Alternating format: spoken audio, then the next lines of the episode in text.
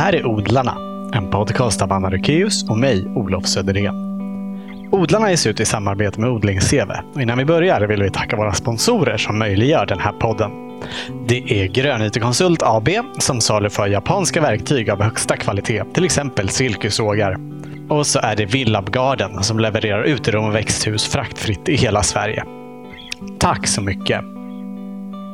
I det här avsnittet träffar vi Karin Jansson som är en av initiativtagarna till och lärare på Holma folkhögskola som driver kurser med inriktning på bland annat stadsodling och skogsträdgårdsodling. Dessutom är hon redaktör för tidningen Odlaren som ges ut av FOBO, Förbundet Organisk Biologisk Odling. Intervjun är inspelad i växthuset på stadsodlingen på Brunnshög i Lund där Holma folkhögskola har sina odlingskurser. Om det prasslar lite konstigt i bakgrunden så är det bara växthusplasten som fladdrar lite för det blåste rätt så rejält den 29 juni då vi var där. Varsågoda, Karin Jansson. Berätta om ditt första trädgårdsland. Mitt allra första trädgårdsland? Ja, men det tror jag jag skapade när jag var sådär 5-6 år. Jag är eh, uppvuxen på en gård i Västergötland. Ja. Så att, Var i eh, Västergötland? mellan Vårgårda och Herrljunga, Mm. en liten by där. Så att det där liksom med odling och så har ju alltid funnits med kan man säga redan från början. Eh, Men bredvid eh, vår trädgård så fanns det en liten, liten bergknalle kan man säga. Och där fanns det små liksom, skrevor i berget. Och då kommer jag ihåg att när jag som liten där, 5-6-åring, så gick jag och grävde upp vilda blommor och så gick jag och planterade dem i de där håligheterna i berget. Så det tror jag egentligen var min, min, min odlingsdebut. Tog de sig där? Ja, så tog de sig där, så skötte jag om dem lite och sådär. Mm. Det, det var någon del av min lek liksom. Ja. Men, men eh, det fanns med tidigt på något sätt att, att ja. odla. Men på en gård sa du? Var det alltså Ja. en lantgård? Ja, en lantgård helt enkelt. Mina föräldrar var lantbrukare och odlade spannmål och hade en större grisuppfödning och, och så. Ja. Hade ni stor köksträdgård också? Ja, alltså man odlade grönsaker för eh, sitt sommarbehov och sådär och så odlade man potatis och morötter och sånt så det skulle räcka hela året. Så alltså man kanske inte tyckte att det var jättekul när man var liten för då skulle man kanske plötsligt hjälpa till där med att ta upp potatis och sådana här saker. Så det var ju mer ett jobb. Det låter romantiskt idag när man pratar om det. Men det var ju mer, en, det var mer ett arbete att man också tog fram sina egna grönsaker. Man kan säga att det här var ju på 60-talet då när jag var barn och då då hade ju den gamla självhushållningen försvunnit och man var ju mer intresserad av det nya. Så det var ju en tid när det här försvann och försvann ut liksom. Och när jag har pratat med bönder här ute så säger de oj, jag odlar grönsaker, det kan vi ingenting om. Alltså, så att det, det är borta idag kan man säga. Liksom. Mm. Du berättade för oss här innan att du inte alls hade tänkt att du skulle hålla på med odling. Nej, jag hade absolut ingen tanke på att jag skulle hålla på med odling. Utan jag skulle göra annat. Jag utbildade mig till lärare, språklärare och jobbade med det en del eh, då. Fast det var också så att på 70-talet så blev jag som tonåring vegetarian. Och då blir man ju liksom intresserad av att få bra mat. Så redan på 80-talet så började jag vara med i den här föreningen FOBO då, som jag gör en tidning för idag Ja. organisk biologisk odling. Och man kan säga att det var, det var ekologisk odling på den tiden. Det var det som fanns liksom att eh, va- om man ville gå med i en förening eller lära sig saker och så. Man får ju tänka på att det här var ju en tid utan internet och sådär. Och eh, hur skulle man få kunskap om saker? Det fick man ju mycket mer via människor och via kurser och så. Det fanns kanske två, tre böcker om ekologisk odling på svenska. Så det var ju eh, väldigt lite kunskap man kunde få tag i. Och jag kände ju genast att jag ville odla ekologiskt, att det kändes det naturliga. Hade du det med dig från gården? Odlade dina föräldrar ekologiskt? Nej, de odlade konventionellt som alla andra på den tiden. Eh, ordet ekologisk fanns ju inte, men man hade börjat prata lite om giftfritt och sådana här saker, men min far tyckte det var väldigt konstigt och märkligt. Alltså, Ja. De tillhör en generation där man tyckte wow, du kan bespruta och så växer det jättemycket och så. De, Oj, vad det blåser. Ja, det gör det. Det är storm på väg in och vi befinner oss på Lunds blåsigaste plats. ja. ja, det... Ja, han tyckte det, de tyckte det var omodernt. Men... Eh, ja, alltså de liksom föl, den generationen följer för allting. Liksom. Mm. Nylonstrumpor och DDT och liksom hela det paketet Allt kan man säga. Allt som någonting. Mm. Mm. De trodde väl också att jag skulle gå under som vegetarian. Så att, eh, det var ju, jag gick ju emot liksom, ja. mycket, mycket på den tiden. Men min far tjatade redan då och sa att du borde bli agronom. Ja. Eh, han, han såg väl ändå att jag hade ett intresse åt det hållet. och sådär. Men jag hade absolut ingen tanke att jag skulle studera åt det hållet utan jag var intresserad av humaniora och var språklärare och så småningom läste jag också då för att bli journalist. Ja. ja. Men det, det gjorde inte jag förrän, eh, när var det? 2000 tror jag. Okay. Det var ganska mycket senare som jag liksom, så att säga, skolade om mig till journalist och jobbade en del på lokaltidningar här omkring och, och så. Ja. Hur kom du in på det här med odlingen igen sen? Alltså under hela den här tiden så, så odlade ju jag. Alltså där jag bodde, eh, under en period så bodde jag uppe i Dalarna och var lite så här gröna vågare och vi odlade alla våra grönsaker där och så kan man säga. 80-tals gröna vågare.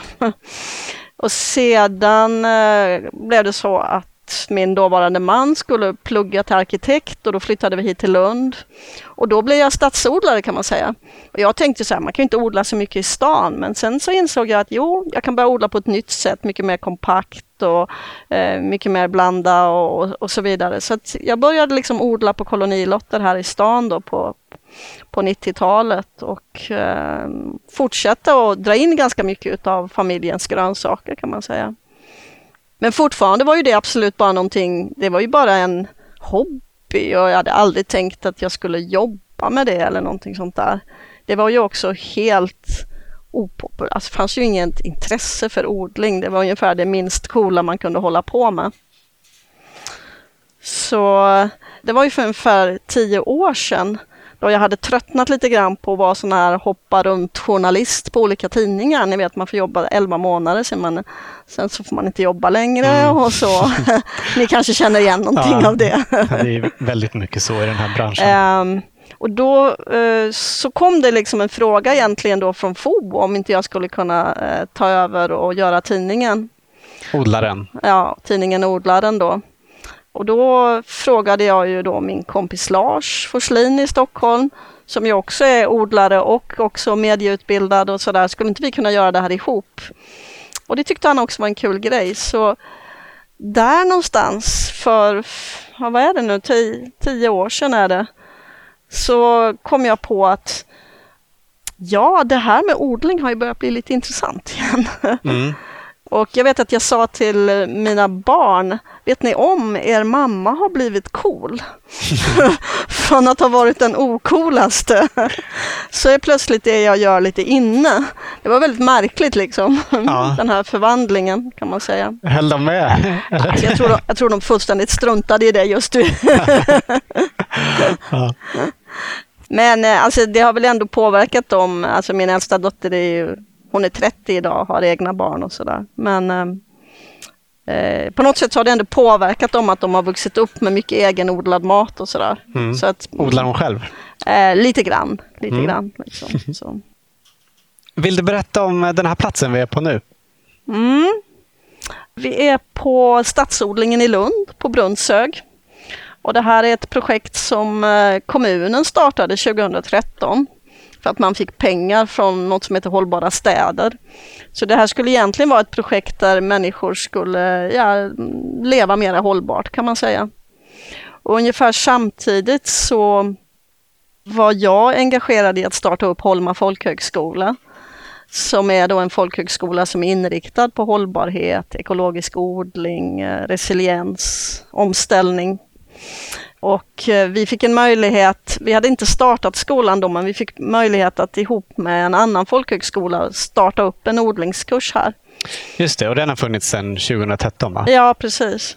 Så numera är vi ju en egen folkhögskola då sedan 2016. Eh, ja, jag tror vi har haft åtminstone två medverkande tidigare som har mm. gått den här eh, stadsodlingskursen. Kul.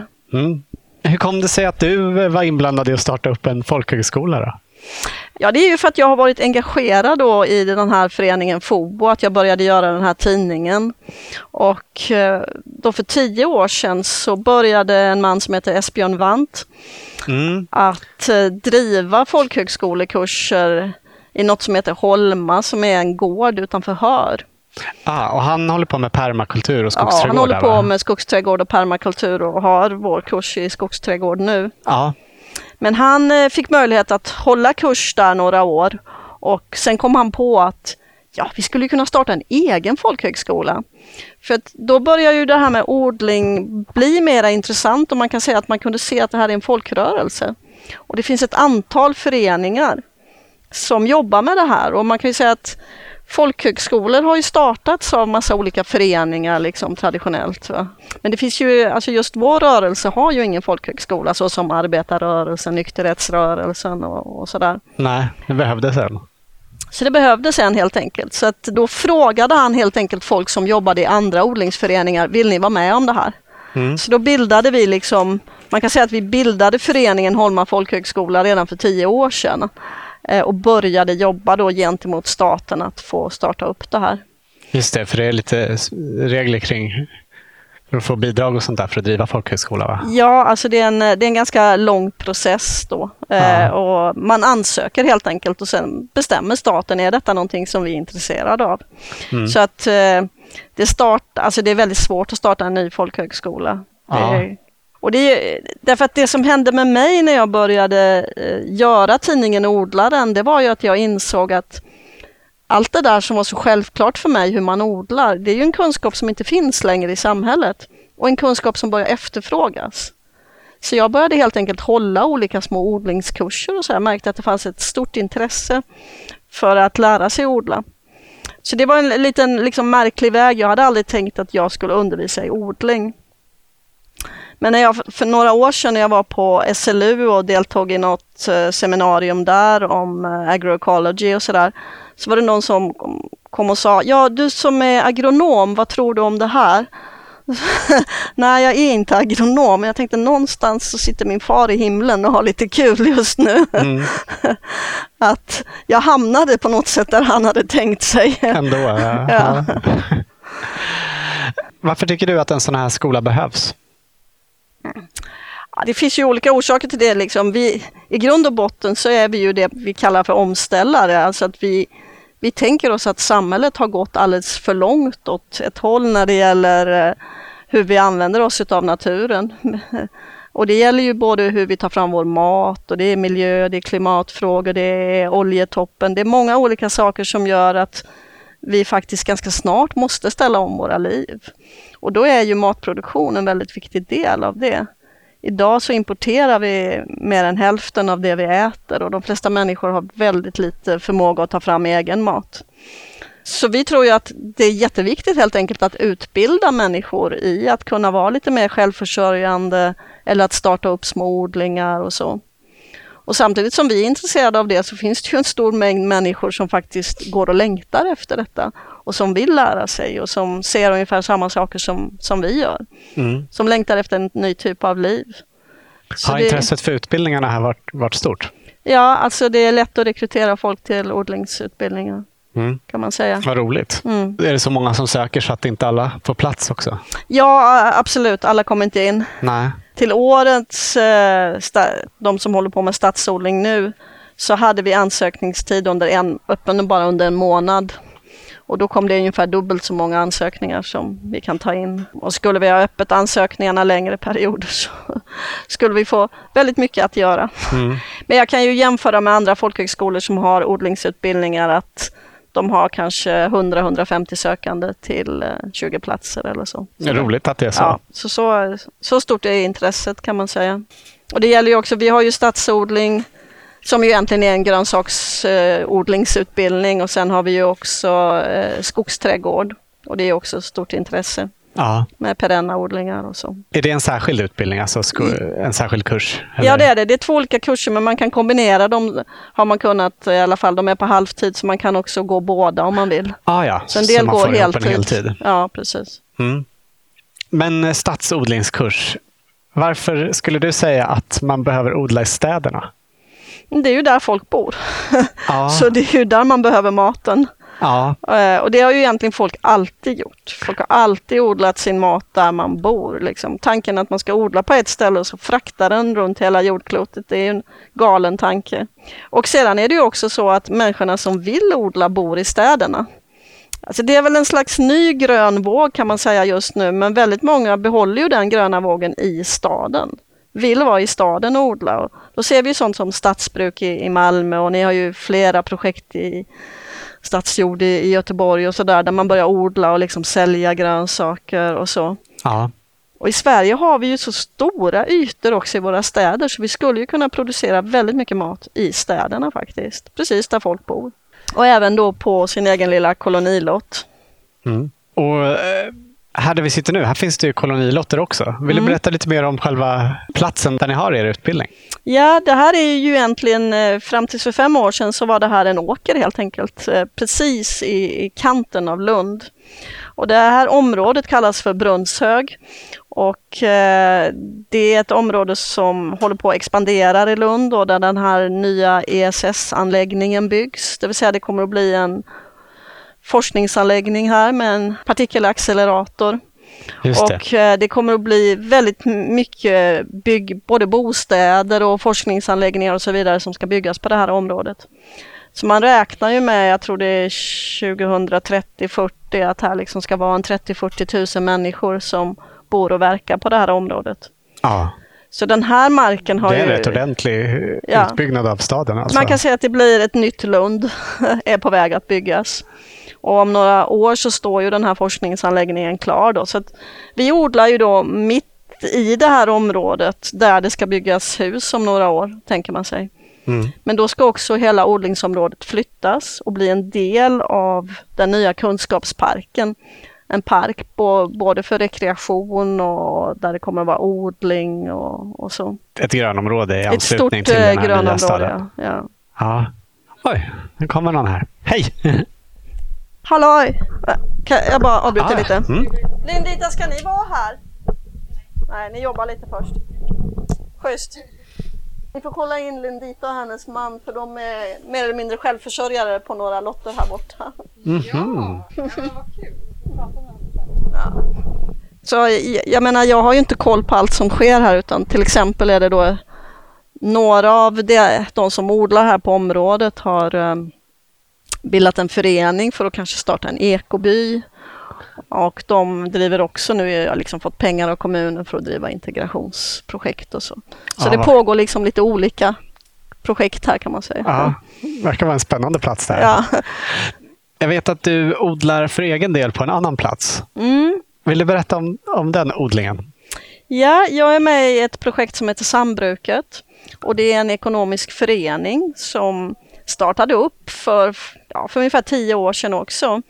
Utav en, eh, ja, en småskalig ekologisk lantbrukare som heter Susanne Velander. Och hon kände väl att det kan vara lite småtråkigt att odla själv och att driva själv en gård, så man borde göra någonting tillsammans. Och hon är också väldigt intresserad utav ja, omställning och att vi måste leva på ett nytt sätt. Så i liten skala då började hon, kan man säga, ihop med sina vänner att starta ett, eh, ja, en ekonomisk förening, ett slags kooperativ med tanke att köpa en gemensam gård. Och idag har det här vuxit då, vi är ungefär 50 personer. Ja, det är så pass många. Ja. Men är alla aktiva och odlar? Nej, så är det inte utan man kan säga att sambruket fungerar både som en aktiv förening för de som vill jobba med saker men också, man kan också stötta det och man kan också till exempel bara vara med och sätta in sina pengar i det. Eftersom det är en ekonomisk förening så sätter man in liksom en summa pengar. För oss är det 10 000. Och det är ju en andel så den får man ju tillbaka om man går ut. Men man kan också använda sambruket som en bank. Så att en del människor har satt in sina pengar för de tycker de kan lika väl sitta där som sitta på den vanliga banken och ha minusränta. Ja. Så en del stöttar oss kan man säga ekonomiskt. Så med de pengar vi har så har vi köpt en gård och vi har köpt ett gammalt församlingshem. Ja. Så församlingshemmet har vi för att ha café och kurser och sammankomster och sådär. Och gården har vi för att odla och där eh, byggnaderna där är orenoverade så vi håller på att renovera dem också. Är det väldigt stora odlingar där eller? Ehm, Det är sju hektar mark. Det, det, mesta har använts för uh, fårbete. Mm. Men vi odlar grönsaker. Har föreningen får? Uh, ja, någon av, uh, någon av medlemmarna har får. Okay. Ja. År kanske det kommer vara någon, någon granne som har kor. Som, för man kan, det är inte bra att ha samma djur år efter år. På, Just det, det, det pratade vi om i förra avsnittet faktiskt. Ja. Men vi har också en större grönsaksodling på 3-4 tusen kvadratmeter. Mm. Och vi är väl kanske 10-15 personer som jobbar med grönsaksodlingen. Och det är upplagt så att vi har en arbetsdag i veckan och så kommer man när man kan. Och så skördar man när man kan. Så allting bygger på frivillighet kan man säga. Klarar sig alla grödorna med en veckas... det kan ju hända lite olika saker. Men eh, vi brukar få, vi har hittills fått väldigt bra skördar. Och vi har lagt upp det så att på våren så drar vi också upp mycket extra plantor och så säljer vi dem på något som heter Malmö Garden Show. Ah, så då ja. drar vi in lite pengar. På hösten säljer vi vårt överskott, bland annat på Lunds skördemarknad. Så att odlingsgruppen genererar en del pengar och de kan vi sätta in i odlingen. Så det gör att det är liksom gratis att vara med. Så med sin arbetsinsats så får man ut grönsaker gratis. Och hur delar ni på de grönsaker som, eh, som blir? Det principen ta så mycket du kan och gärna lite till. Okej, okay. det blir så pass mycket? Det brukar vara så mycket. så att eh, just nu har jag skickat ut mejl, hjälp kom och skörda sockerärtorna. Oh. och jag har själv plockat en kasse sockerärtor idag som oh. ska ner i frysen. Oh. Så det blir, eh, vi odlar ganska, det blir ganska mycket då. Och det är ju en det är ju en process för människor som inte har varit vana. Jag har ju alltid odlat så här stora delar av mitt behov men om man är ovan vid det så är det ju sådär oj vad ska jag göra nu? Står jag här med en kasse bönor. Alltså, det, är en, det, är en, det är ett nytt sätt att förhålla sig. Va? Ja, det gäller att kunna ta hand om det också. Ja. Men det är också, vi har, vi har gjort i ordning jordkällare i, i det här huset också så att vi kan Ja, nu har vi kvar faktiskt, vi har inte lyckats göra slut på all potatis och rotfrukter under det här året. För nu kommer det det kommer nytt, ny potatis. Liksom. Ja. ja. Men vi försöker då att vara självförsörjande på allt grundläggande som potatis, rotfrukter, lök, kål. Vi odlar också ganska mycket kokbönor. Alltså så att man kan torka och ha sina egna bönor under, under året. Mm. Också mycket majs. Ja. För det är också populärt. Och naturligtvis squash och pumper och sådär. Köper du någonsin grönsaker? Ja, lite grann på våren så kanske man liksom har lite grann tröttnat. så då kan det bli att jag går och köper någon färsk aubergine eller någonting sånt där. Det kan vara lite kul. Men i princip så har jag rotsaker, jag har syrade grönsaker, jag har eh, i frysen. Så att jag klarar mig hela året kan man säga. Mm. Är du fortfarande vegetarian? Ja, jo det är jag. Mm. Hur, hur, stor del av din totala mat kommer från den här odlingen? Det är svårt att säga, det beror på vad man menar, om man menar i pengar eller vikt eller... Jo, det är klart. Men man behöver ju köpa liksom, eh, spannmål odlar vi inte just nu. Nej. Men det är ju någonting vi kommer säkert att odla liksom. Så det är ju det man, jag menar man äter ju en del spannmålsprodukter. Mm. Jag äter Sånt är lite svårare för det kräver ju nästan maskiner för att kunna ja, göra men det även det går också hantverksmässigt att, att odla spannmål. Så det är väl sådana saker vi kommer att utveckla. Och ja, men så köper jag lite mjölkprodukter, lite spannmålsprodukter och sådär. Men alltså mitt eget matkonto är extremt litet kan mm. man säga. hur, hur tröskar man ut eh, spannmål på ett hantverksmässigt sätt? Ja, men man kan odla eh, till exempel nakenkorn och nakenhavre. Så det är ju varianter utav spannmål som inte har så mycket skal på sig. Mm. Och eh, jag menar förr i tiden så skar du av dem helt enkelt med en lie eller en skära. Och sen buntade ju det här i kärvar så det fick torka. Ja, och sen står du och slår de där eh, kärvarna. Va? I mindre skala så kan man ju eh, kanske skära ner eh, axeln i till exempel en stor papperskasse och så står du och bankar på den. Så får du ner kornen i botten. Mm. Och sånt som nakenhavre och nakenkorn då, det kan du använda istället för ris. Du skulle också kunna mala det och, och baka med det och så. Men det, det kräver liksom ingen speciell skalapparat eller liksom så. Nej, det är spännande. Mm. Men eh, det, det, är väl möjligt att vi kommer att odla lite maskinmässigt också. Vi har ju liksom mark så att det räcker till det också. Så vi får se. Vi, man kan säga att de flesta som är med i det här gänget är relativt nya på odling. Och så att det, det är ju, man lär sig steg för steg och, och så. Mm. Är det du som är guru i den här gruppen? Mm, ja, jag är lite guru, men vi har också en, en annan man då, Rune, som är duktig odlare som också har gått vår utbildning här i skogsträdgård. Mm. Och nu har design, vi har designat ett nytt system i år i odlingen där vi också lägger in eh, alléer med frukt och bärodling och perenna grönsaker. På engelska kallar man det för alley cropping. Det är ett system som nästan inte finns här i Sverige, att man liksom odlar remsor med frukt och bär som då står kvar, liksom perenna växter och så däremellan odlar vi grönsaker.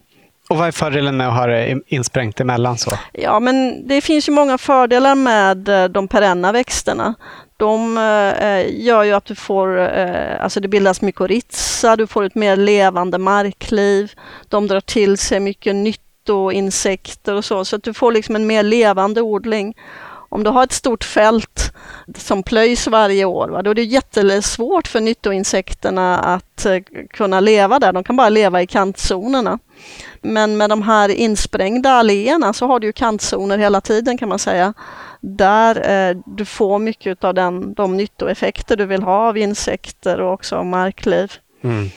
Så sammantaget så får du ut mycket, mycket skörd. Liksom. Du får både frukt och bär och grönsaker och du får mer utav eh, samarbete i naturen. Så det är lite sånt tänk som en skogsträdgård fast mm. att man odlar ettåriga växter in emellan? Man kan säga att det är ett rationellt system av skogsträdgård. Skogsträdgårdar är ju ofta mm, liksom mer kaosartat planterade liksom. Mm. Där det inte är i rader och sådär. Men man använder egentligen samma växter här men planterar dem då mer strukturerat. Du får kanske inte alla fördelar du har i en skogsträdgård men du får ändå in en hel del fördelar. Mm. Plöjer ni marken där ni odlar ettåriga växter? Eh, ja, vi plöjer eller harvar den. Det brukar vi göra varje vår. Och vi har också tillgång till en tvåhjulstraktor, alltså en rejäl jordfräs. För det här är för stort område för att man ska gå och gräva eller liksom så för hand. Men när vi, vi gör den markberedningen ofta en gång om året och sen kör vi mest med hjulhackor och, och så. Och mm. handkraft kan man säga. Hur stor yta skulle du eh, beräkna att man behöver för att vara självförsörjande? Du som nästan, nästan är det. alltså det finns ju några, eh, det var ju några studenter på SLU som gjorde en sån uträkning för några år sedan. Mm. Det ligger ju kanske 15-20 år tillbaka i tiden men enligt deras uträkning då, ja ät fler jordgubbar. ja, jag tar en till också, de var så himla goda. de var till oss de där. Så att, ja. mm. Jo men de, eh, de räknar ju på det här och odlade också och kom ju fram till att en vegan kan försörja sig på 800 kvadratmeter. 800? Ja. Och om mm. du, men om du däremot skulle vara laktovegetarian så att du också behöver liksom foder till eh, djur och så, va? då behövde du ungefär 2 500 3 000 någonting där kvadratmeter. Mm. Men 800 kvadrat, det är om man skulle verkligen odla allt? Då, då skulle du odla allt, men då var det också spannmål och sådär. Det som är, alltså det svåra är ju att odla egna oljeväxter och få, få ut fett helt enkelt. Det är väl problemet kan man säga. Mm. Man kan ju odla en del nötter men det är ganska osäkert. Och eh, raps kräver ju lite mer maskiner och så. Så att den kosten man fick då, den, man, man, skulle kunna få tillräckligt med kalorier men väldigt, väldigt fettfattig kost. Ja. Men det är ju ändå, om man tänker lite mer praktiskt så skulle man kunna odla på 800 kvadratmeter men du skulle också kunna ha till exempel lite höns eller lite djur. Och då skulle du också få, då skulle du enkelt få kanske protein och fett liksom på det sättet. Mm. Så jag brukar göra den här uträkningen att om man slår ut det där 800 kvadratmeter på Sveriges eh, all jordbruksmark, då kommer man fram till att eh, Sverige skulle kunna försörja 34 miljoner personer. Mm. Vilket ju är lite mer. Idag försörjer vi ungefär halva befolkningen, 5 miljoner, med ja. mat. Så vi odlar inte så himla effektivt alltså? Ja, vi odlar supereffektivt men vi odlar nästan bara spannmål som vi ger som foder till djuren. Ja. Så just den där eh, att allting, allt, allt ni ser på åkrarna nu när ni åker här i Skåne, det är ju djurfoder. Och sen så ser ni ju en sak till och det är jättemycket vete som körs till Åhus. Och där tillverkar man ju absolut vodka. Mm. Så Det är väldigt mycket av veten här i Skåne är kontraktsodlingar för vodka. Så man Ja. kan säga att på åkrarna här så ser man kött, mjölk och sprit. Och det är klart att om det är huvudbeståndsdelarna i kosten, då går det åt väldigt mycket mark. Mm. Det låter inte så himla hälsosamt. Jag brukar ju hävda det då att vi, att vi svenskt jordbruk tar fram kött, mjölk, sprit, socker och eh, rapsolja. Mm. Och att det kanske inte är den bästa dieten. Och det är ju intressant det där att jag menar folk, väldigt många människor intresserar ju sig för hälsa och mat. Och inser ju att till exempel väldigt mycket vitt mjöl, mycket socker, eh, billiga fetter och så. Det är inte speciellt bra för vår hälsa. Ändå är det det i huvudsak som vi producerar här. Så vi skulle ju, tycker jag, vi skulle behöva vända vårt jordbruk och eh, det finns ju mycket möjligheter. Skogsträdgården är ju en möjlighet där man experimenterar med mycket. Va? Det har ju gjorts mycket experiment i Sverige också, till exempel att ta fram sånt som vi tittar på här ute, quinoa, amarant, andra sädesslag som är glutenfria och så. Men tyvärr så är det alldeles för lite utveckling av, av sånt. Och alla hälsopreparat. Det är så här bär från någon djungel någonstans eller det ska vara så här jättehäftigt. Medan faktiskt de svenska bären är extremt rika på antioxidanter och så. Mm. Så vi skulle verkligen kunna odla vår egen hälsokost här. Ja, det är väl något i det där just med att det låter lite spännande att det kommer någon annanstans ifrån. Det gör ju det. Blåbär eller svartvinbär kanske inte låter lika hett på något sätt. Nej, så de svenska blåbären de säljs ju till den internationella hälsoindustrin som då gör blåbärspreparat av dem. Och det kan ju vara lite exotiskt för dem då med nordiska blåbär. Mm. Medan vi ska köpa sådana här bär, eh, ja, så kallade superbär. Ja, det är konstigt. Så vi, har, vi, har liksom en, eh, vi har ju en unik situation här i Norden i och med att om man tittar på samma breddgrader på Kanada eller i Ryssland eller så, så befinner vi ju, man sig på tundran i princip. Va? Ja. Så att, att vi kan odla här, det är ju bara på grund av Golfströmmen. Ja. Eh, Men det gör ju att vi befinner oss i ett klimat där till exempel bär mognar väldigt långsamt och får extremt mycket sol. Då. Och det gör ju att de, blir, eh, de får eh, väldigt mycket antioxidanter och nyttigheter i sig. Så om det är någonstans man kan ta fram nyttigheter så är det precis här. Mm. Vi skulle kunna ha en, en stor sån industri här men vi har i stort sett ingenting. ja, det är synd. De här, det här att bären får så mycket ljus gör ju att de blir mycket sötare. Jordgubbar som odlade här är ju mycket sötare än sådana som odlade längre söderut. Ja, ni har ju precis smakat. Ja, de är helt fantastiska. Ja, och de är faktiskt söta trots att det är så här tråkigt väder och inte speciellt soligt så, så smakar de bra. Mm. Men det här med att ställa om eh, matproduktionen till en annan produktion. Vad, vad tror du skulle krävas för, för att vi skulle komma dit? Eh, jag tror att vi kommer dit. Jag, eh, därför att jag tror att det system vi har just nu, det gäller ju både ekonomi och hur vi tar hand om vår natur och sådär. Det, det är helt enkelt inte hållbart. Så att vi kommer att komma till, eh, till svårigheter. Och exakt hur de ser ut, det, det vet vi ju inte. Vi vet ju att på sikt så har vi inte olja eh, i de mängderna vi har nu. Vi måste liksom antagligen minska vår energianvändning. Staten gjorde ju för några år sedan en undersökning om vad som, vad som skulle hända med vår försörjning om vi inte kunde importera olja. Och då kom man ju väldigt lätt fram till att skulle liksom hälften av vår olja strypas så skulle svenska folket eh, svälta. Och liksom just nu så, så har vi ju allting. Va? Men eh, vi kan ju också se hur snabbt saker raseras, eh, som i Syrien till exempel. Ja. Det går hur, hur snabbt som helst att rasera jordbruket. Och i Sverige så bygger hela jordbruket på att vi kan importera olja.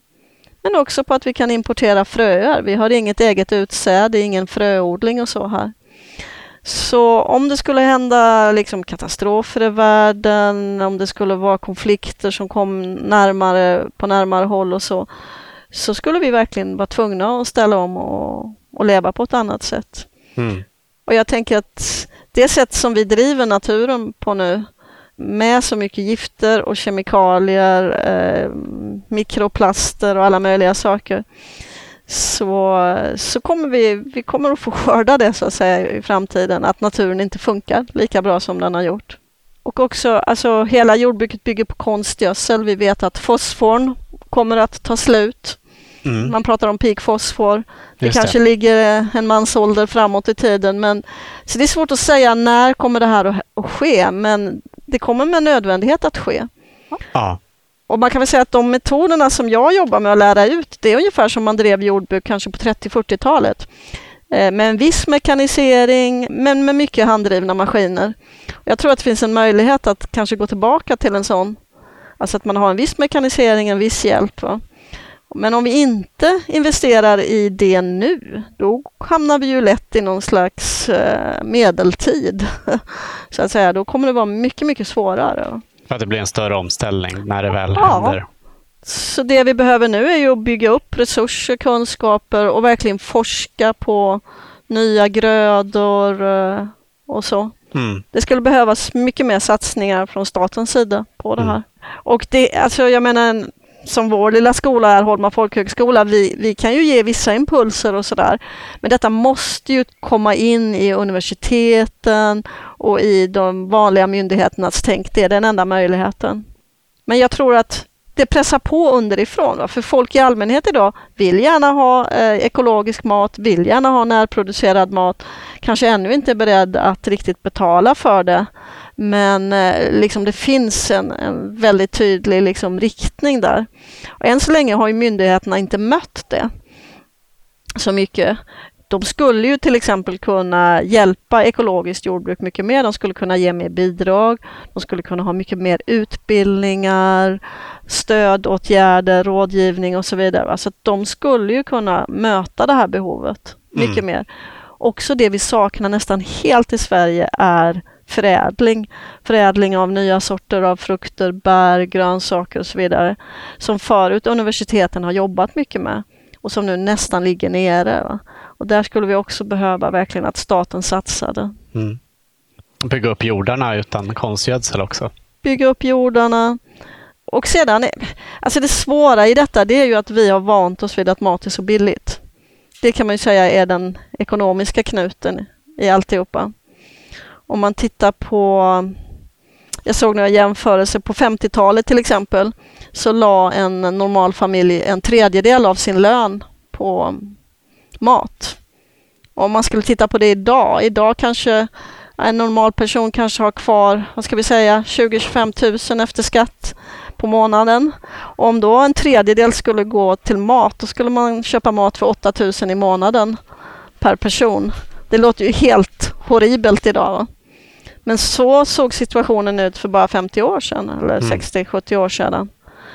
Så vi kan säga att vi har vant oss vid att massproduktionen ger enormt billig mat. Och det, jag tror inte att vi kan tänka så i framtiden. Vi måste betala för att få bra mat och för att inte förstöra eh, liksom vår miljö och våra åkrar. Mm. Det behövs helt enkelt Alltså som, som världen ser ut just nu så är det för enkelt att köpa sin mat. Så det är inte förrän vi verkligen kommer in i någon typ av annat läge. Och det, det, hur det läget kommer att se ut, det vet vi inte än. Men det är, det är bara att titta ut runt världen så ser man att det läget redan har skett för väldigt många människor. Och det, det är ju både miljö och klimatkris, det är krig och konflikter och alla möjliga saker mm. som kommer att driva oss. Vi, vi måste skapa ett nytt liv. Och egentligen så vet ju alla människor det, att det levnadssätt vi har nu inte är hållbart. Samtidigt så hoppas vi på någon slags mirakel, att det bara ska studsa fram någon enkel lösning som gör att vi kan fortsätta att leva som vi gör. Men vi, vi som jobbar här tar väl det här liksom på allvar och eh, intresserar oss för att bygga upp någonting nytt. Och då, då tror kanske folk att ja, men det där är någon slags 1800-tal, man ska gå tillbaka till något gammalt sätt att vara. Va? Men eh, till exempel då permakultur som är den liksom ja, idé eller ideologi som ligger bakom mycket av det vi gör. Det är ju en, en tanke där man både kombinerar gammal traditionell kunskap med modern teknik. Och det är just sånt som vi kan göra nu. När vi odlar nu, jag sa ju att vi använder oss av tekniker kanske från 30-40-talet. Samtidigt har ju vi tillgång till så mycket kunskap från hela världen. Vi har tillgång till nya sorter och, och ja, det finns så mycket som inte har kanske gjorts tidigare som kan göras idag. Mm. Så vår idé också med den här alléodlingen till exempel, det är ju att hitta hitta mera stabila system som bygger upp jord och inte förstör jorden. Som delvis kanske kan skapa sin egen näring, till exempel med kvävefixerande växter och sånt. Va?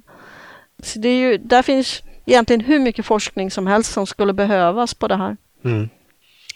Um, vi har varit inne på det tror jag i något avsnitt tidigare, men skulle du vilja berätta lite mer om nackdelarna med konstgödsel?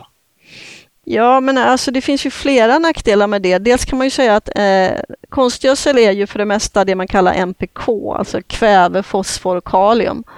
Och det är ju tre kemiska ämnen. Och man kom ju på eh, redan på 1800-talet att om växterna får det så kan de växa rätt bra. Men en växt behöver ju, en del säger 14 näringsämnen, en del säger ännu fler. Precis som vi behöver, liksom, vi behöver ju massa olika mineraler och, och så vidare för, för att vi ska funka, så behöver ju också en växt det. Så om man hela tiden odlar på en åker och sen så skördar du och tar allting därifrån och så tillsätter du bara tre näringsämnen. Då kommer ju alla andra näringsämnen att minska väldigt mycket.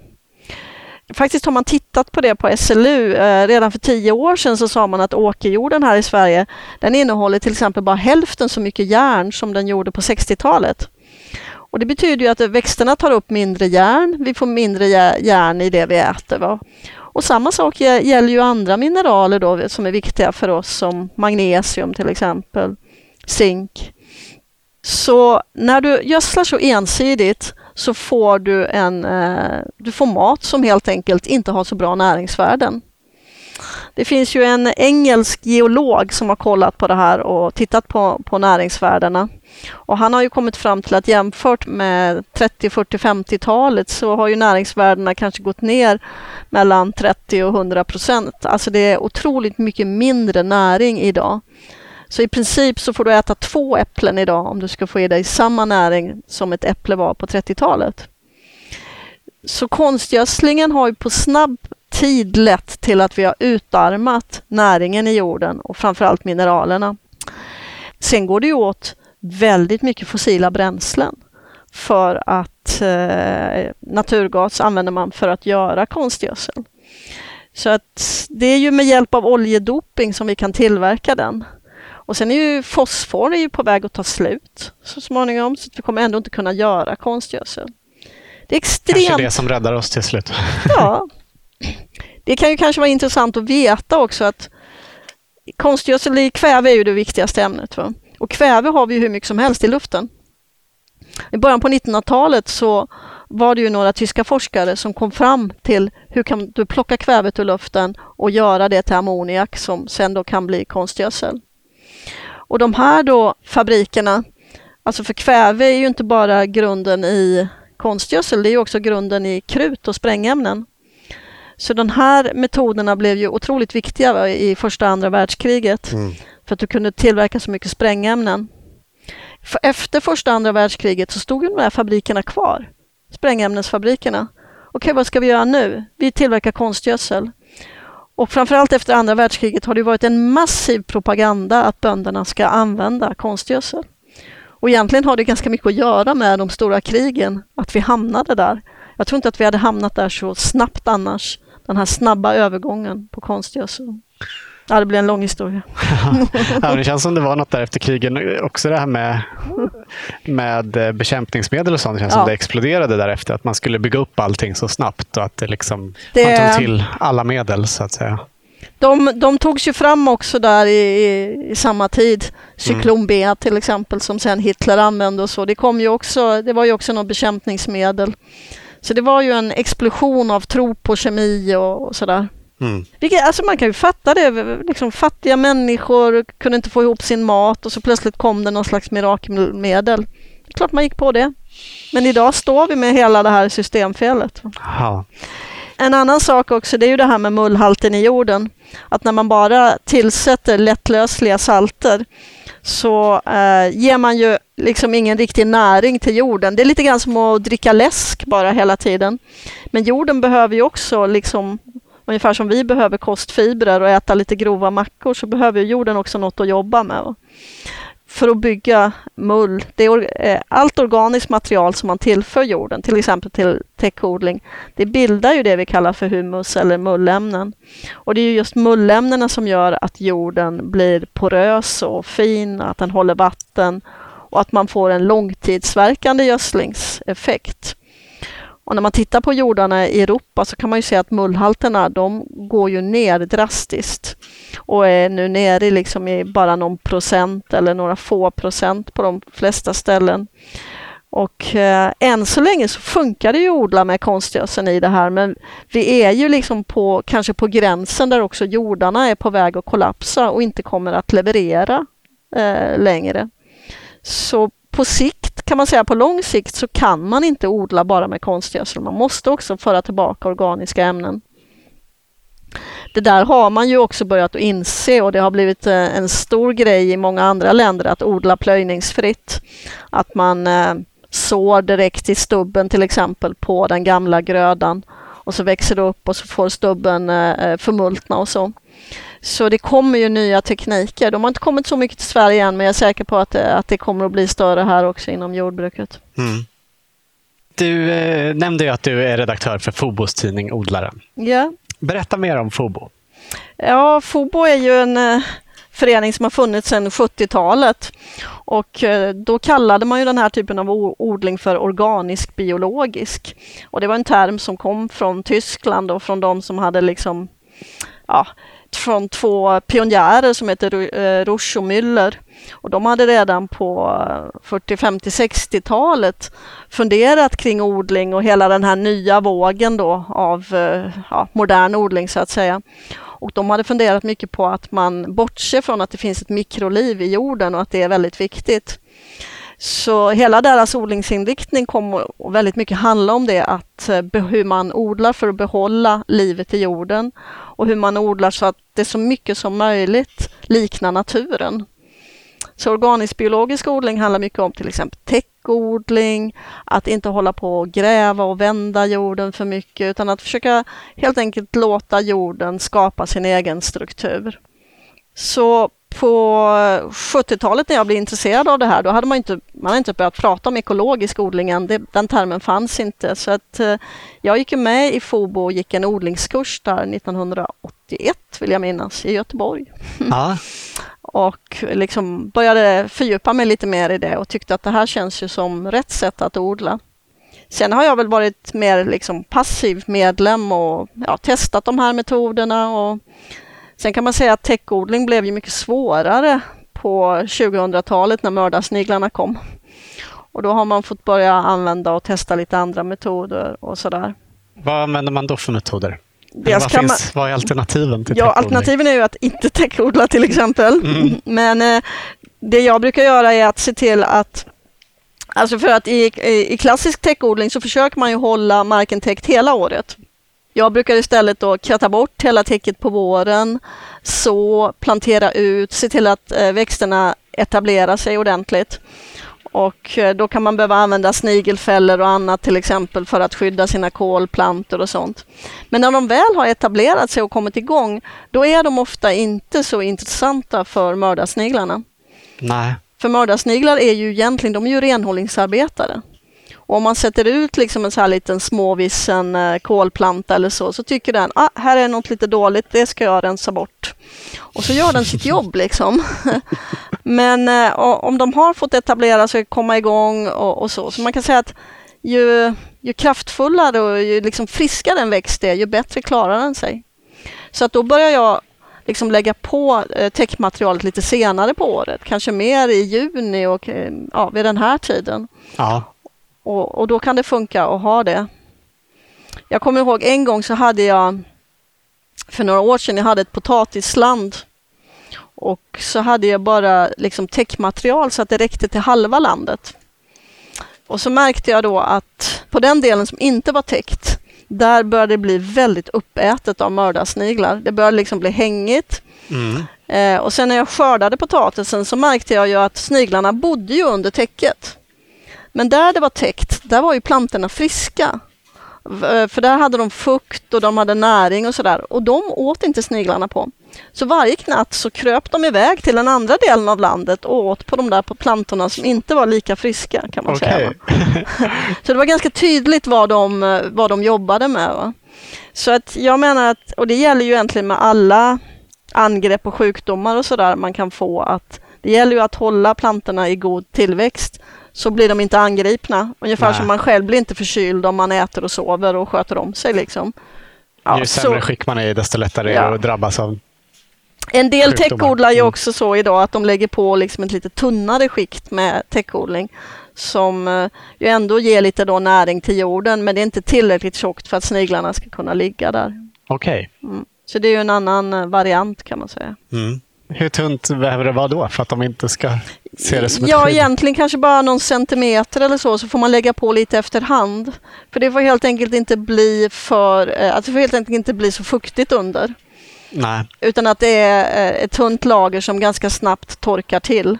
Då kan de inte använda det för att ligga där på, på natten. Va?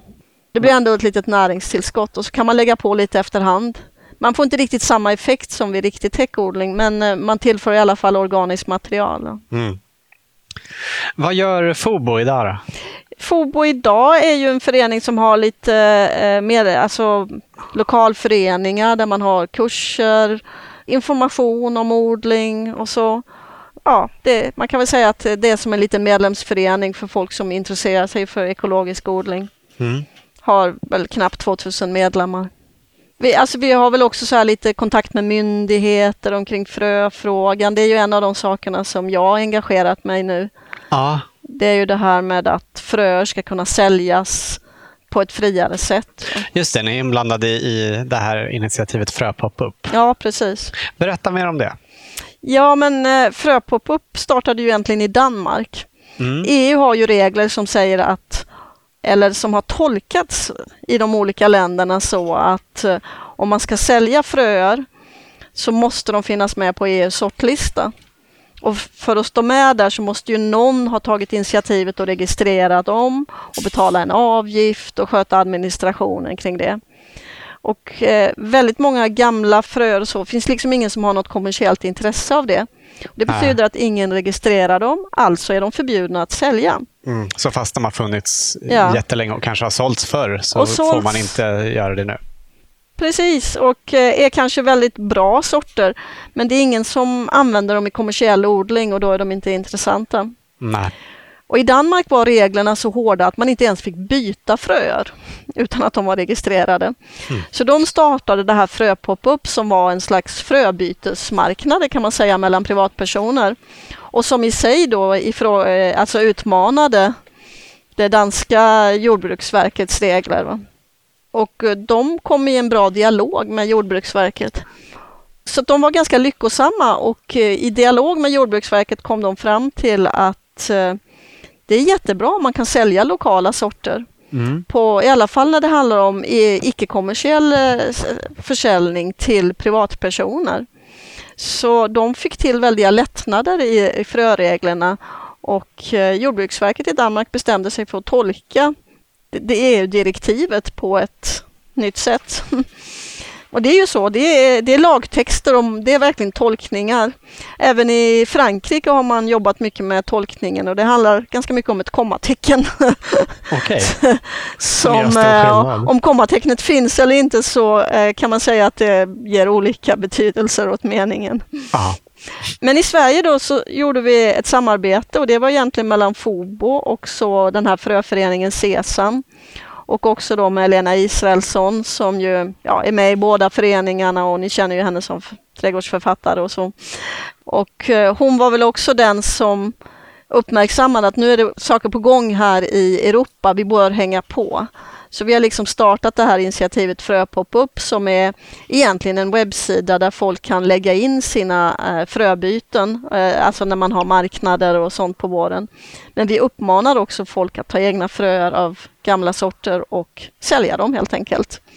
Så på det sättet så utmanar vi lite grann reglerna här och vi tänker att det på sikt ska leda till att vi också kan få ett samtal med myndigheterna omkring det här. För det är ju så, tänk till exempel, vi säger att jag åker till Ryssland och så hittar jag någon intressant eh, sort där kanske av tomater. Mm. Då står ju inte den på den svenska frölistan. Och det är jättebra tomatsorter i Ryssland för där har man hållit på länge och förädlat sorter som tål kallt klimat.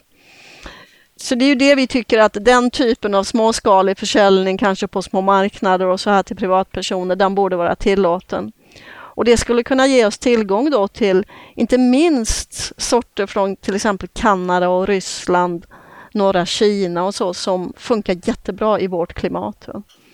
Eh, som vi är nu utestängda ifrån. Mm. Plus då de gamla kultursorterna. Ja, för risken med de gamla kultursorterna det är ju att de också försvinner eftersom Mm. Ju fler som köper de här F1-hybriderna som finns mycket i handel, så eh, ju färre odlar ju de gamla sorterna och de mm. måste ju odlas för att kunna finnas kvar. Det är ju så. va. Och Nordiska genbanken gör ju också ett arbete, men där fryser man ju in dem.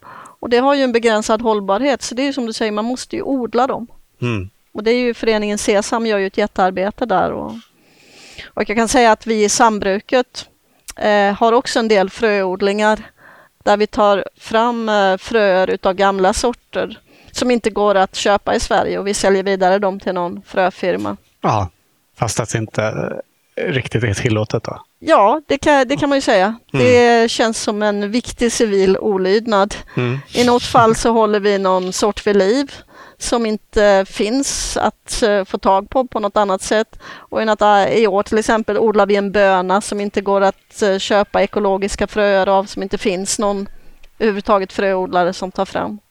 Om man vill göra en insats i liten skala som fritidsodlare, vad, vad ska man fröodla då? Ja, men man kan ju gå med i Sesam, där finns ju ett fantastiskt utbud och det är ju vad man är intresserad av att börja odla någonting.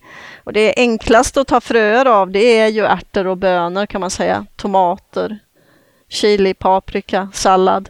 Alltså sådana växter som är självpollinerare mm. och inte korsar sig så lätt. Det visar oss eh, morötter som står i blom här innan. Ja, vi har en eh, liten, frö, liten fröodling av morötter de ska vi använda själva så det här är helt lagligt. Men eh, att vi odlar de här i växthuset det är ju för att om de står ute så kommer de att korsa sig med den vilda moroten. Ja. Och då får man en eh, helt meningslös morot som man inte kan äta. Ja. Vad är det där bakom? Är det mangold eller be betor av något slag? Alltså längre ner har vi ju sötpotatisen. Ja, men mellan, är det inte, det ser ut som typ mangoldfrö eller någonting? Precis till vänster om morötter. Ah, Eller okay. nästan inne bland förlåt, morötterna. Förlåt, ja, det, du har alldeles rätt i. Det står en uh, mangoldplanta som har gått i frö där också. Ah. Den skulle ha flyttats ut. Just det, vi odlar en typ uh, en väldigt härdig sorts mangold som heter perpetual spinach. Och den har vi här i växthuset under vintern. Så brukar ah. vi, har vi tagit egna fröer också, men de har vi faktiskt flyttat ut så jag vet inte, någon har stått kvar där. mm. När såg ni att ha dem här under vintern? De kommer vi kanske att så i, i augusti. Mm. Så slutet av juli, augusti, så växer de till sig under augusti, september. Ja, oktober så går ju tillväxten ner. Men sen står de ju kvar här i växthuset och så kan man skörda och så liksom är det lite värme så händer det lite grann där. Mm. Ja. Så det är också en, en väldigt tålig växt att ha eh, som vintergrönt hela året. Ja. Vad skulle du säga är EUs eh, motiv till att motarbeta det här med att man säljer fröer som inte är registrerade? Och så? Alltså de officiella förklaringarna det är ju att man vill bara, det ska bara säljas frö som är väldigt liksom kontrollerat, det får inte vara några sjukdomar, det ska vara bra sorter för konsumenterna och så. Så det är ju för att man ska ha ordning och reda och det ska inte kunna spridas eh, ja, virus eller sådana saker med fröer. Mm. Och det är klart att om de har en eh, administration kring detta så är det väl helt, eh, förstår man ju att de måste ta ut någon typ av avgift för att sköta den administrationen. Det är väl också helt rimligt när det gäller nya sorter som tas fram av fröfirmor som eh, liksom vill ha så att säga copyright och patent på dem. De tar fram sina fröer, det är ett stort utvecklingsarbete bakom. Och Det är klart att de vill ha dem skyddade på något sätt. För. Men det funkar ju inte riktigt så med gamla fröer där man inte ens vet vem äger det här fröet så att säga. Vem har någon gång tagit fram det och så. Mm. Och det är klart att det har ju i EU vet vi ju att väldigt mycket beror på lobbying. Och det är klart att de kommersiella fröfirmorna lobbar mycket för att det ska vara väldigt strikta regler kring det här. Och EU hade ju för några år sedan ett förslag på att skärpa de här reglerna. Så att det skulle inte bara omfatta fröer utan det skulle omfatta allt växtförädlingsmaterial, alltså till exempel sticklingar och alla sätt som du kan då föröka fröer med. Mm. Och det skulle också innebära att alla växter skulle egentligen ha patent, så att säga, även vilda växter skulle vara förbjudna att uh, sälja eller plocka fröer från och så. Ja. Det EU-förslaget blev ju så massiva demonstrationer i Europa kring det att det plockades bort. Men det är klart att vi tror att EU ligger och eh, vilar lite grann nu och kommer, kommer tillbaka med något liknande. Och jag tror ju att bakom det så ligger en massiv lobbying från fröindustrin som helt enkelt inte vill ha konkurrens. Det är ju så, man har ju gjort vissa undantag och sagt att gamla kultursorter och så, de får registreras för en mycket billigare penning och så. Men de får bara säljas i små, små förpackningar och du måste berätta, liksom, typ redovisa exakt alla förpackningar du, du säljer och du får inte sälja för mycket och så. Så att det är verkligen Alltså det är väldigt märkligt för att den kommersiella odlingen vill ju inte ens ha de här fröerna. Så de borde inte behöva vara rädda för det. Men ändå verkar de vara det. Alltså den viktiga saken med de gamla fröerna det är ju att det är vår eh, genetiska mångfald. Och det är ju den, alltså det är ju de fröer, alltså de gener vi har. Den genpool liksom vi har för växter. Va? Och det är ju från de generna vi måste använda för att få fram nya sorter.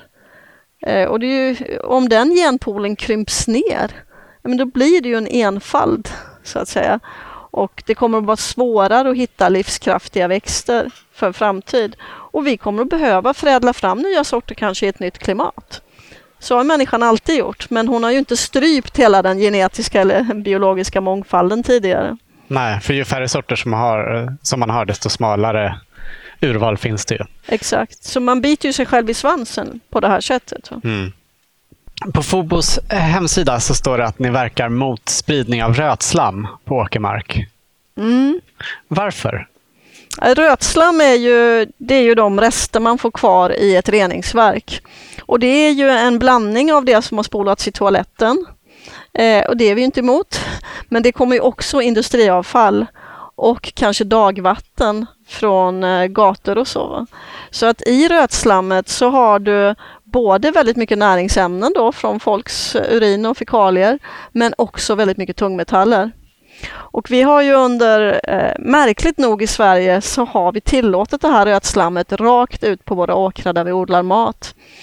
Och eh, det ämne som, vi, som har liksom ja, framförallt förgiftat våra åkrar då, det är ju kadmium. Mm. Så genom rötslammet så har vi spridit enormt mycket kadmium. Och vi har ju redan väldigt mycket kadmium naturligt i åkerjorden på många ställen i Sverige. Bland annat här i Skåne på en del platser.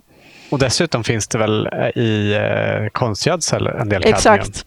Det har funnits mycket konstgödsel. Nu, nu får det inte vara så höga halter. Men vi har alltså höjt halterna av kadmium eh, väldigt mycket på de svenska åkrarna. Och det gör ju att när du äter svensk spannmål så ligger du liksom hela tiden på gränsen i att få i dig för mycket kadmium. Det här är man ju klar över i sjukvården. För man vet ju att framförallt kvinnor då, och speciellt om man har järnbrist, så eh, misstar kroppen sig på kadmium och tror att det är järn. Så man tar upp alldeles för mycket kadmium. Och eh, sen bygger man in det där i skelettet och får ett skört skelett och sen så bryter man lårbenshalsen eller så när man blir äldre. Så från sjukvårdens sida så vet man ju att den här höga mängden kadmium vi får i oss i maten, den leder till enorma kostnader. Dessutom kan man få njurskador och kanske cancer också utav kadmium.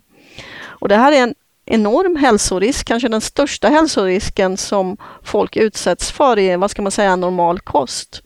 Och den kommuniceras inte heller utav våra myndigheter. Alltså vi har ju fått reda på nu att det är arsenik i ris. Vi vet att det är kvicksilver i Östersjöfisk och alltså vissa sådana här saker vet de flesta att det här ska man vara lite försiktig med. Men att det absolut vanligaste när vi käkar mackan på morgonen eller vi äter pasta eller någonting sånt där, så är det alltså kadmium vi får i oss i skadliga mängder. Och allra värst är det ju för små barn. Som ju, I Sverige har vi ju den här traditionen att ge barn mycket välling och gröt och så.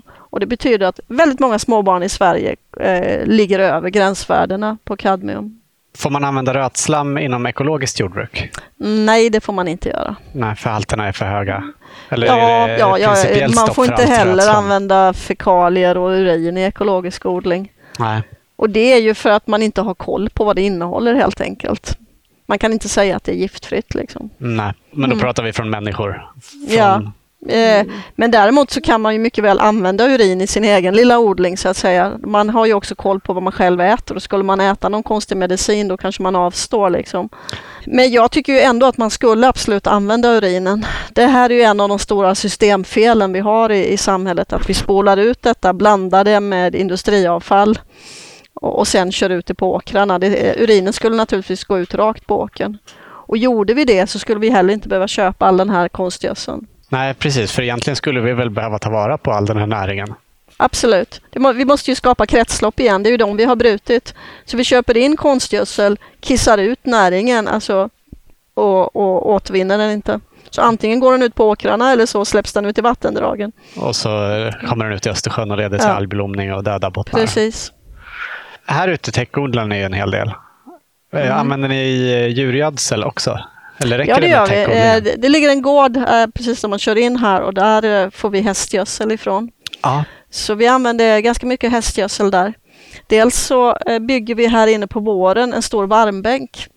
Vi har ju inte Mhm. tillgång till någon el här, utan Nej. vi bygger en varmbänk och där drar vi upp våra plantor. Och sedan all den hästgödseln som vi har stoppat in där, den bränner ju en del under våren och sen stoppar vi in den i alla bäddarna här.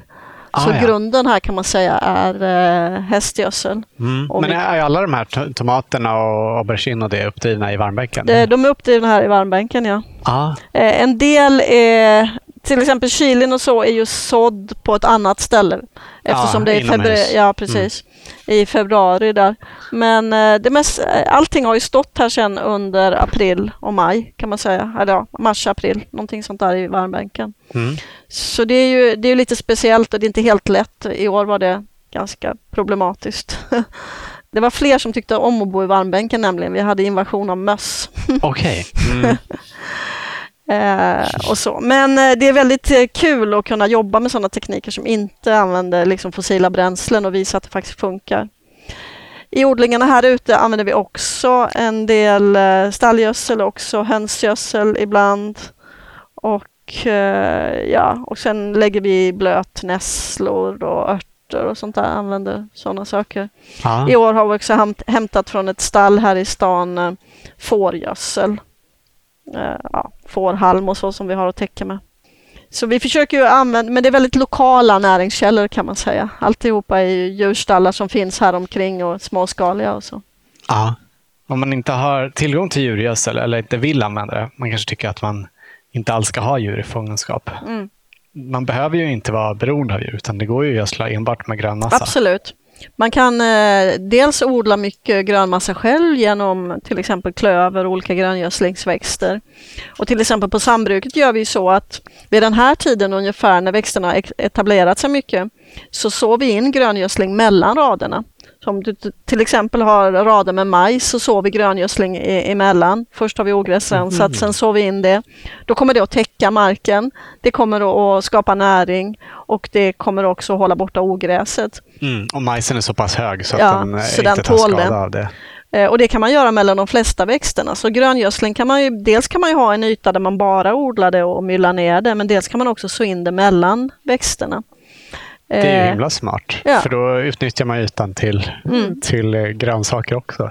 Precis, och om man dessutom också då för tillbaka urin och kanske också hittar lite lokalt material, att man slänger gräsklipp och sådär, så kan man mycket väl odla bara med grönmassa. Mm. För stallgödsel, vad är det? Det är ju bara grönmassa som har gått genom en ko. Liksom. Så det är ju bara grönmassa. Ja. Och vi har flera odlare här ute som just är veganodlare och som är veganer och eh, odlar för att de just inte vill ha något, någonting från djur Ja. i sin odling. Och de använder grönmassa istället? Alltså. De använder grönmassa, de använder urin, de använder eh, ja, gröngödsling. Ja, spännande. Mm. Vi gjorde en intervju med eh, Nils Åkerstedt eh, förra året. Och han, enligt hans beräkningar skulle det räcka att man har halva trädgården gräsmatta och halva trädgården köksland så skulle det gräset räcka som näring till odlingarna. Ja, jo men eh, det, finns en, det finns en odlare i Norrland, i Kramfors, Margareta Magnusson, som också varit forskare på SLU tidigare. Aha. Hon, hon är den enda som jag vet i Sverige som faktiskt odlar lite kommersiellt med grönmassa. Så hon har ju en, grön, en bit grönmassa som står och sen så slår hon det och så för hon över det till odlingarna. Och jag tror att hon säger att hon behöver lite mer eh, grönma, alltså lite mer yta till grönmassa. Mm, lite mer än halva. Ja, ja precis. Alltså, no, jag, men jag minns inte exakt, men någonting i den stilen. Är eh, vad kul att uh, Åkerstedt still going strong. ja. Så de där 800 kvadratmetrarna som jag pratade om förut så har man ju också en bit gröngödslingsyta. Mm. Så det är klart att om du gröngödslar plus får tillbaka all din urin till exempel. Ja, då bygger man ju upp så det. Eh, skulle du kunna klara den ytan själv, är ju tanken där. Mm. Mm. Vad, eh, vad betyder det för dig att få jobba med odling? Uh, ja, men alltså det är ju helt enkelt väldigt kul att odla. det är kul att vara i kontakt med det levande. Och sedan så är det ju för mig är det ju också, har det blivit så från att jag liksom gick och pillade med mina egna odlingar så har jag de senaste tio åren mer och mer bara börjat odla i olika projekt med andra människor. Så det är också väldigt mycket en social verksamhet eh, på olika sätt och det är fantastiskt kul att, att odla med människor för folk blir så glada.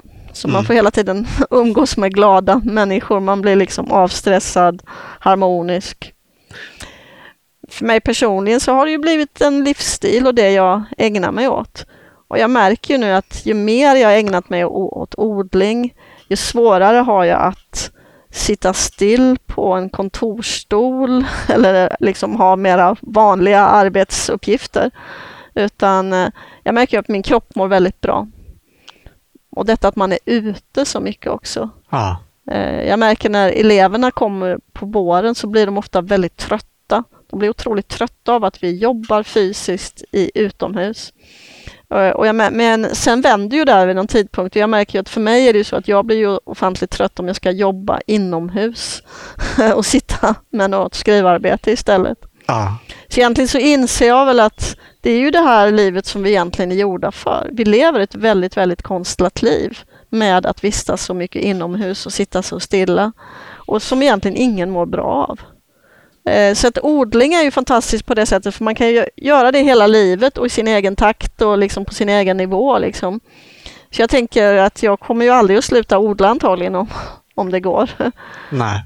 Så det är ju egentligen det. Och sen är det ju, alltså det är ju någon slags magiskt med som, jag vet någon av mina döttrar liksom tittade på ett litet salladsfrö och sa, ska det bli ett salladshuvud? Alltså det är ju en magi i, i det här att, eh, och som återupprepas varje år.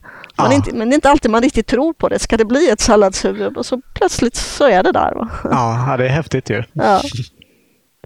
Sen, sen tänker jag också att det är otroligt bra det här med att följa naturens processer. Eftersom allting idag ska vara så snabbt, det ska vara liksom, man ska genast, det ska ske direkt och man ska få någon tillfredsställelse direkt. Men här måste man vänta. Så jag tror att det är liksom bra, för, bra för själen också att få ja, se hur det långsamt växer. Mm. Är det framförallt när det gäller eh, odlingen och matförsörjningen som du eh, ställer om eller har du försökt ställa om på andra områden i livet? Alltså om man ska ställa om så måste man ju ha levt på något annat sätt. kan ja. man säga. Och jag har kanske aldrig levt på något annat sätt.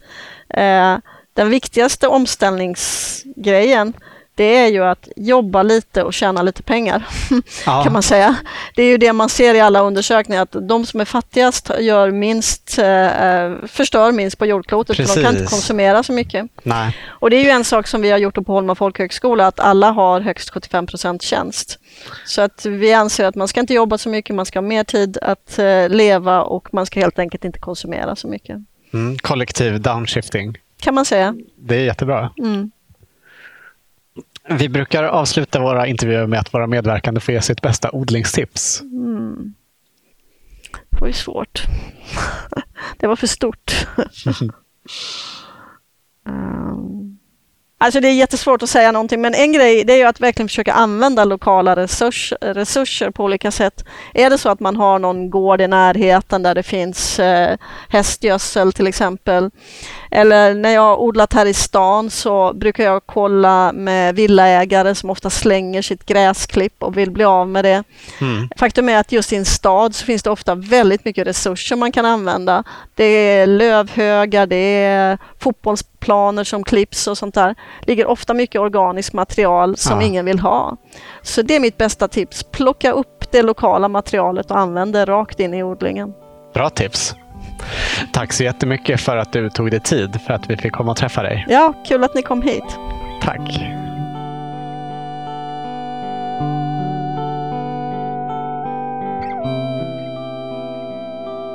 Du har hört Karin Jansson i Odlarna. Information om Fobo och hur du kan bli medlem där och få tidningen Odlaren som Karin alltså gör hittar du på fobo.se. Blev du sugen på Holma folkhögskolas kurser så heter deras hemsida holmafolkhögskola.se. Och initiativet Fröpopup har förstås också en webbsida. Den hittar du på fropopup.se. Tre bra grejer att kolla in. Och I vårt arkiv hittar ni alltså intervjuer med två tidigare elever till Karin. Charlotte Goranius Nykander och Andrea Pettersson. Där finns också intervjuer med Lena Israelsson som vi nämnde och förstås med Nils Åkerstedt. Tyckte du att det lät intressant det där med downshifting som vi snuddade vid i slutet av intervjun så skulle vi vilja rekommendera en annan podcast som heter Andra sätt som inte sällan tar upp den teorin kring hur man kan försöka leva lite mer hållbart. Den kan du läsa mer om på downshift.se och den finns förstås också där poddar brukar finnas. Andra sätt alltså, en podd väl värd att lyssna in. Stort tack för att du lyssnat och tack än en gång till våra sponsorer Villab Garden och Grön IT Konsult som möjliggör den här podden. Odlarna görs av Anna Rukeus och mig som heter Olof Söderén. Ha det bra! Hej hej!